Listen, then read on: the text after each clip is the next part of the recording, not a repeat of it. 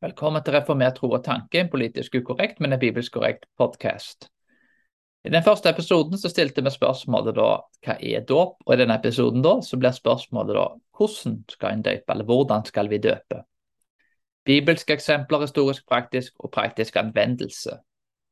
Og jeg vil bare si veldig fort før jeg hopper inn i teksten at jeg tror ikke det er noen rett måte å, å, å døpe på, altså i forhold til mengden av vann om det er full neddukkelse, om det er skvetting eller om tømming. Jeg tror alle disse modusene da faktisk er godkjente av Gud. Det kan være at det er bedre argumenter for en eller en annen, men eh, jeg er nok ikke overbevist om at det er krystallklart hvordan dette blir utført. Og Bibelen er faktisk ikke ekstremt tydelig på dette når en går inn på disse tingene. Med det minnet så vil jeg at vi skal begynne Apostelens gjerning kapittel 8 med Philip og hoffmannen. I Apostelens gjerning 8.26 så ser vi at de var i en ørken. Philip var overrasket at det var mye vann der. Og I en ørken da, så er det jo vanlig å finne store mengder med vann. Det er vanlig å finne en bekk fra fjellene som etter hvert blir tørka bort. Så Det er jo veldig uvanlige ting da, å finne så mye vann da, at du kan ha en full neddukkelse. Men uh, det er sikkert mulig da, under visse omstendigheter. Hoffmannen leser fra Jesaja 53 og Jesaja 52 så står det at han vil bestenke og rense hedningene for alle nasjoner. Og Dette er faktisk konteksten da, til Jesaja 53, da, som hoffmannen leser fra. Det eneste referansen til Messias som skal døpe, er i Jesaja 52, 15, og det er altså å skvette eller det å bestenke. Ordet bestenke er ikke, kanskje ikke et ord som er lett å definere. Eh, jeg får den oversettelsen 'sprinkle', på, altså med skvette på engelsk. Men, men å bestenke er vel Eh, det er i alle fall ikke en full neddukkelse. da. Det er vel en form for å åpenbart bli våte, men, men, ikke nødvendigvis at du blir klissvåte, sånn som jeg ser det. Uh, vi vet jo litt, litt om dette her pga. den ulike kontekstene som vi ser i Bibelen. I Isaiah 32, 15. Slik skal han bestenke mange folkeslag. Konger skal lukke sin munn for det som, for, som ikke var fortalt for dem, for det har de sett. Og det de ikke hadde hørt, det har de forstått. Skal altså bestenke mange folkeslag. Fariserene spurte Johannes hvorfor han eh, døpte om han ikke var Messias. Det er jo da for at det er jo en annen dåp enn det Messias-dåpen, og den, den dåpen som vi tar del i. De hadde altså en idé om at Messias da døpte fra Jesaja 32, 15, som tilsier at Messias døpte med skvetting og bestenking. Det er disse referansene som du må gå inn på. Igjen, Det nye testamentet er ikke skrevet i et vakuum. Det er skrevet som en gammeltestamentlig eh, kontekst i bakgrunnen. Altså en gammeltestamentlig bok. Altså Det er jødiske bok, da, men det er jo da fornya i den nye pakt. I Sekel 36, 25 ser vi et annet eksempel, og her ser, ser vi og jeg vil stenke, altså ordet sprinkle, skvette, da, rent vann på dere, så dere skal bli rene fra alle deres urenheter og fra alle deres motbydelige avguder vil jeg rense dere. Så det er en veldig interessant ting å se at det er referansen som vi ser her, og konteksten faktisk på Philip og Hoffmannen, er referanser til skvetting og stenking, ikke referanser til full neddukkelse. Døperen Johannes dåp, så ser vi at det var en tjeneste han utførte til jødene, som igjen hadde en jødisk forståelse, da, ikke en, en uh, norsk forståelse av ting. Hebreerbrevet snakker om ulike måter å vaske og, måter å døpes på. I Hebreerbrevet 6, 9, 13 bl.a. Der er altså skvetting, utøsing og tømming som regel da, som ble brukt. Noen altså, ble da gjort med skvetting av vann alene i 4. Mosebok 8-7. Skvetting av vann og aske i 4. Mosebok 1913 og vers 17-18. Der er også skvett med olje, så i 2. Mosebok 29-21 og det er skvetting av blod. Andre Mosebok 12, 22, 24, 6 og vers 8. Og det er renselse fra de som tok i de døde, i 4. Mosebok 1913. Johannes 3, 23 refererer da til dåpen, det som skjer ved Aenon, som er på vestsiden av Jordanelven. Og det er renere vann der, fordi Jordan er jo da ikke spesielt ren, iallfall ifølge dagens standard i Norge. Svært få steder i Israel da har faktisk store mengder med vann på den måten. Og Når en da har den gamle testamentlige konteksten her, med at skvetting og bestenkning og disse tingene da, faktisk er ganske vanlig og ganske utbredt, så, så kan en ikke automatisk konkludere at folk tok seg et skikkelig bad med hodet under vannet. Uh, det står i Johannes 1,31 at uh, han døyper med vann og ikke i vann. Uh, så igjen, han døyper med vann og ikke i vann. Ifølge Talmuden, den jødiske da, kilden, så må vannet som en døyper med, være rennende. Ifølge Didaké, en tidlig referanse til kirkehistorien, så må det være rennende vann som tømmes på hodet tre ganger. Grunnen til at dette skjedde da, var at eh, ja, det, det var vel kanskje en mer praktisk måte å gjøre det på. da. I, I, en plass som Israel så har du ikke veldig mye vann alle plassene du er.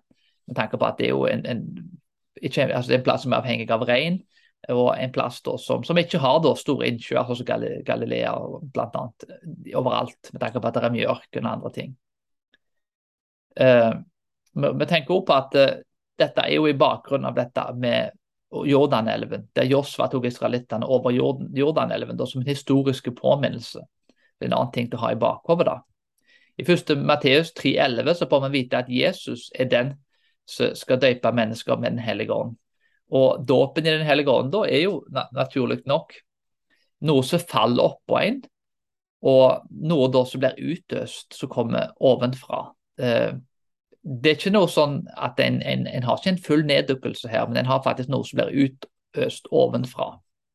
Døperen Johannes ble sannsynligvis opplært som prest fordi faren var prest. Og Når disse tingene ble snakket om, så er det ikke usannsynlig at det er en kontekst der han ble opplært i det jødiske tempelet til døpe på jødiske vis, som da var, ikke var full neddukkelse, Hebreabrevet 9.10. Og i Johannes 1, vers, eh, sorry, kapittel 1, vers 19-23, så refererer Johannes da til profeten Jesaja når han ble spurt hvem han er. Så hvis Johannes da refererer til profeten Jesaja, så vel som til Det gamle testamentet. Og hvis det er det som er bakgrunnen og konteksten for disse tingene her, bør en ikke da konkludere kanskje å anta at i, i mye større grad er det den gammeltestamentlige bakgrunnen her som bør ligge til rettes. da. Og i Det gamle testamentet da, så er det ikke altså full neddukkelse som er det dominerende. Vi ser til døperen Johannes står det gamle testamentet er du Kristus. I Sekel 36, 25 og Isaiah 32, 15. Det var en referanse da til hedningene. Døperen Johannes da ble jo sett på som Elia. Døperen Johannes var en oppfyllelse av jødenes forventning at Elia skulle komme tilbake. I andre kongebok 2.11 og Malakai 3.1 og 4.5. Dette skulle skje gjennom renselse, stenking og utøsning av Kristus dom med flamme. Isaiah 4, 4 Lukas 3.9, vers 16-17. En annen referanse er jo det med Moses, en profet som Moses i 5. Mosebok kapittel 18. altså Det er jo en profeti da om Jesus. Å skvette blod med pakten eh, eh, er som å skvette med, med, vann og olje, som med Moses og Gamle testamentene, så prestene ble befalt å gjøre. Så Moses, når han gikk inn i pakten, så var det altså med, med, med skvetting av blod, og ikke en full neddukkelse i det blodet, så, eller, eller så vel som vann. Dåp i Det gamle testamentet var stort, stort sett med skvetting og utøsning. Det finnes ikke noe vers i Det gamle testamentet som konkret og direkte rettferdiggjør at full neddukkelse er normen. I så fall så er det unntak og heller ikke regelen. Det gamle testamentet er grunnlaget for spørsmålene i lys av døperen Johannes. For igjen, døperen Johannes var en jøde eh, som da var jo en, en som la veien til rettes for Jesus. Men uh, han var altså en jøde som opererte innenfor en jødisk og gammeltestamentlig kontekst, og derfor er det dette en må ha i minne. Med henhold da til Jesus' dåp så ser vi at Jesus kom opp av vannet i Markus 1. Dette betyr ikke at Jesus hadde en full neddukkelse, det betyr vel kanskje heller at halve kroppen sto i vannet, og at vi ikke vet hva som skjedde etter det. Jeg vet at når mine Eh, barn bader, så er ikke som regel ikke hele kroppen i vannet. Det er som regel halve kroppen eller en tredjedel av kroppen som er under vann. Eh, det er ikke alltid det er en full neddukkelse når vi bader. Og det er det heller ikke med meg hvis jeg tar et bad. Det er ikke alltid jeg dukker under fullt ut. Vi ser at Jesus er en ny frelser, eh, en, altså en ny Josva gjerne, som betyr Gud frelse. Josva var trofast i ørkenen, og Jesus var tro, trofast i ørkenen. og Han motsto djevelen. Og Begge tok sitt folk inn i det lovende landet, både det fysiske og det åndelige fysiske Israel og det åndelige Guds rike som vi lever i nå. Og Det er sannsynlig her at Jesus ble døpt i desember, kanskje i januar. Noen påstår det rundt år 27 år etter Kristus ble født. Eh, temperaturen på denne tiden kan være rundt to grader. Og dette er i hvert fall for folk som er vant med å leve i varme land. De har mindre toleranse enn vi nordmenn har for kulde. Så to grader for dem er ganske kaldt. Det de har da mer mening at utøsning og skvetting ble brukt, ettersom dette er både i tråd med Det gamle testamentet, og at det passer med temperaturen. Vi kommer litt inn på det senere, da, men det er veldig ubehagelig å bade i, og ta en full neddukkelse i veldig kalde temperaturer. En annen ting vi kan se på er pinsedagen, der 3000 folk ble døpt på en dag. En enorm jobb. Vi vet at elven og Jordan er langt borte. Kidronbrok er med utsiden av byen, da, som er uh, en plass da, som kunne bli brukt til, til dåp. Uh, så det er altså mye enklere. Vi tenker på 3000 folk da, og så skvette. Og mye mer praktisk i dette tilfellet. Og Det er heller ikke noe som garanti at det er da uh, ja, tilgang da, på den mengden med, med vann. Jordanelven hadde jo da åpenbart en, en, en del vann. Men uh, dette var en tid der kirka levde under forfølgelse. Er det da logisk at svære folkemengder skal stå ute eh, på en veldig offentlig plass da, i Jordanelven og bli døpt? Det kan være at de ble det, men, eh, med full neddukkelse, men, men, det kan også være at de ikke ble det. Når det kommer til Paulus' dåp, så står det i Apostelens gjerninger 9 at han sto opp og ble døpt og vasket bort synden hans. i Apostelgjerninger 22, 16. Paulus ble altså døpt stående, hvis en skal ta det bokstavelig, det som står. Eller mens han reiste seg. Og dette er jo helt umulig om det er en full neddukkelse involvert. Så det er ikke så enkelt alltid kanskje å, forstå akkurat hvordan dette blir gjort i praksis. Vi har dåpen i Moses, der egypternes hær faktisk var den eneste da, i Det gamle testamentet som fikk kanskje en ordentlig full neddukkelse. der de ble virkelig en, eh, ja, fikk seg skikkelig bada med hodet under. Israelittene derimot ble døpt til Moses i skyen og i havet i første Korinterbrev 10.2, så vel som utvandringen, og Rødehavet ble splitta. Det er altså mer korrekt å si at vannet skvetta rundt dem, at de altså ikke ble ordentlig våte. Israelittene gikk jo under havet, da, og de ble jo da begravd i Kristus. Så jeg kan ikke si at det ble jo en rett analogi på den måten. Men de ble altså ikke fysisk våte. Det er vel mer rett at de da eh, hadde vann som skvetta på seg, til tross for vi ikke vet akkurat hvordan det var i praksis. Men de kom tørrsnodde ut på andre sida. Så I lys av disse tingene, da, så, så er ikke, mitt poeng her er ikke, ikke å si at skvetting er, er, er, den bibelske måten å gjøre det på. Men om en tar den gammeltestamentlige konteksten og tenker at det, dette er jo jøder som skriver, og har det i bakgrunn, Eh, I tillegg da til, hvor lite praktisk det faktisk var å døpe under en tid for, med mye forfølgelse på offentlige plasser. Eh, I tillegg på at alle de ulike eksemplene i Bibelen som ble brukt med ulike former for dåp, så er det ikke klart for meg i hvert fall at eh, det er én måte å døpe på. Og kirkehistorien vil jeg si kan bekrefte dette i veldig stor grad. Den historiske praksisen har vært ulike. I Didaké så er det rennende vann og, og, tømming av vann tre ganger på hodet så er det gjeldende. Josefus refererer til dåpen i Antiquities at Johannes døperen rensa kropper. og Dette bekrefter jo meningen til dåpen som en renselse, som er den måten en jøde ville forstått dette på. Shepherd of Hermas, midten av det andre århundret, refererer til dåp som ved neddykkelse. Kirkehistoriker Chadwick påpeker at i slutten av det første århundret så var dåpen med tømme vann på hodet til den troende veldig vanlig. Men etter år, 150 år etter Kristus var neddukkelse vanlig, men da ikke eh, det eneste måten det ble gjort på. Fra år 250 år etter Kristus så ble frelse i dåpen mer populært, og noen mente at vann rensa bort synden. De tidligste beskrivelsene fra katakomben i det tredje århundret fra Roma er at vann blir utøst på hodet. Dette ser vi ut ifra bildene. Valdeserne i middelalderen brukte skvetting. Thomas Aquinas i middelalderen mente at neddykkelse var mest vanlig, men at skvetting òg var vanlig i det 11. århundret. hos reformatorene var både utøsning, skvetting og neddykkelse praktisert. Og i John Spilsbury i 1593 1668 var en mann som skrev at full neddukkelse var den eneste gyldige måten. Før dette så var full neddukkelse en måte å gjøre det på, men ikke eksklusivt. Eh, det var ulike meninger om dette. Eh, kirkehistorien vil jeg si viser ganske, egentlig et ganske likt bilde som Bibelen. Eh, det er ikke krystallklart akkurat hvordan moduset bør være.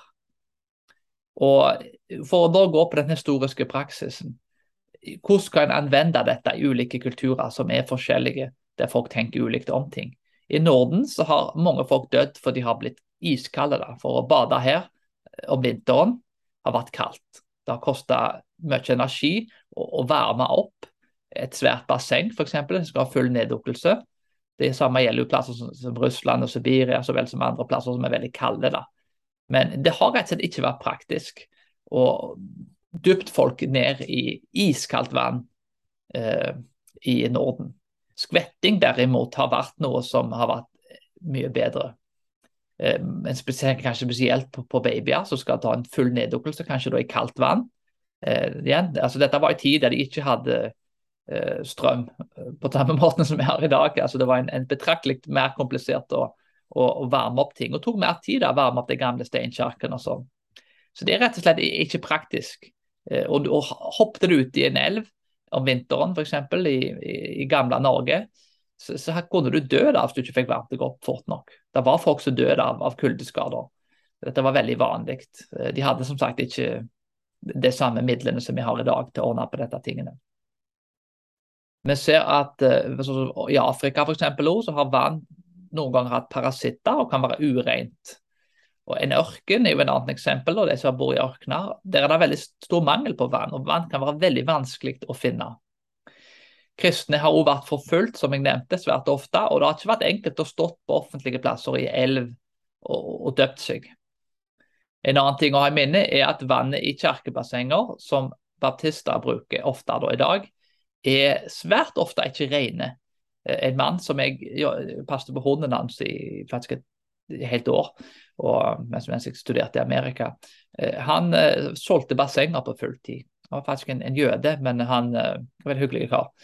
Uh, og Han sa til meg at uh, han, han lagde bassenger for folk. Det var jobben hans gjort i årenes år. Og Han mente at uh, han fikk oppdrag noen ganger til å komme til kirker og så, så lage dåpsbassenger, eller fikse dåpsbassenger.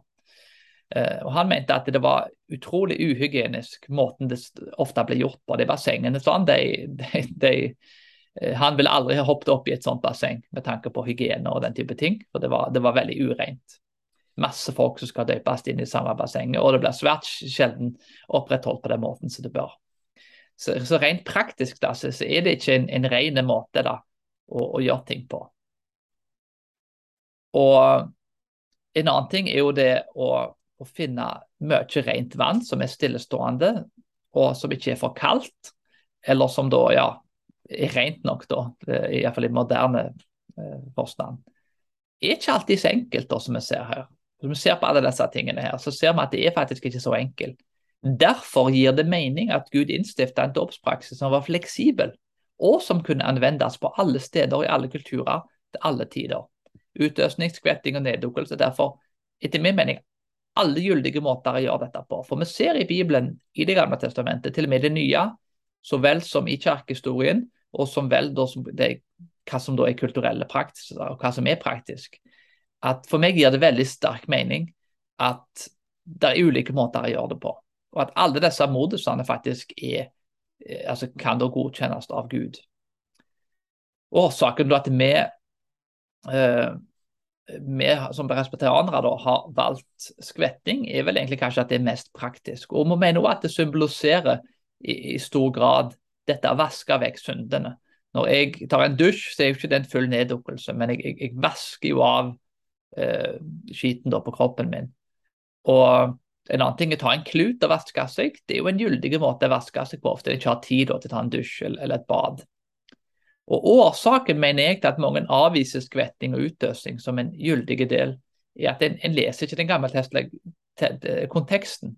En, en, har allerede låst, låst den vekk og, og, skilt den ut, akkurat så Det gamle testamentet ikke påvirker det nye. Men som Derek Prince alltid sa, Det gamle testamentet er skaftet på pilen, Nye testamentet er pilen. En trenger skaftet for å komme fram til målet, og pilen for å trenge gjennom målet. Det gamle testamentet er nødvendig for å forstå det nye. Jesus og disipler var jøder. Og eh, Disiplene var jøder, og de oppfylte profetiene fra Esekiel, Isaiah om å rense nasjonene. Det er altså en kontinuitet her. Og Dette er ikke en, en, en tomme påstand, det er noe som, som jeg har sitert igjen og igjen og igjen. Og Det er fordi at det, det var sånt forfatterne sjøl forsto det. De henviser direkte til disse skriftstedene. Jeg vil derfor konkludere at både de bibelske eksemplene, kirkehistorien og den pastorale praksisen tilsier at alle måter å døpe på er gyldige. Og igjen, vi har da valgt som presbyterianere å bruke skvetting, ikke fordi det er den eneste, eneste rette og sanne måten å gjøre det på, men at i vårt tilfelle er det da den mest praktiske måten som vi mener også er konsekvent med det gamle og nye testamentet, kirkehistorien, og hva som funker i praksis. Det var alt for i dag. Forhåpentligvis har du, du forstått dette emnet om moduset i forhold til dåp på en bedre måte. Vi snakkes snart igjen.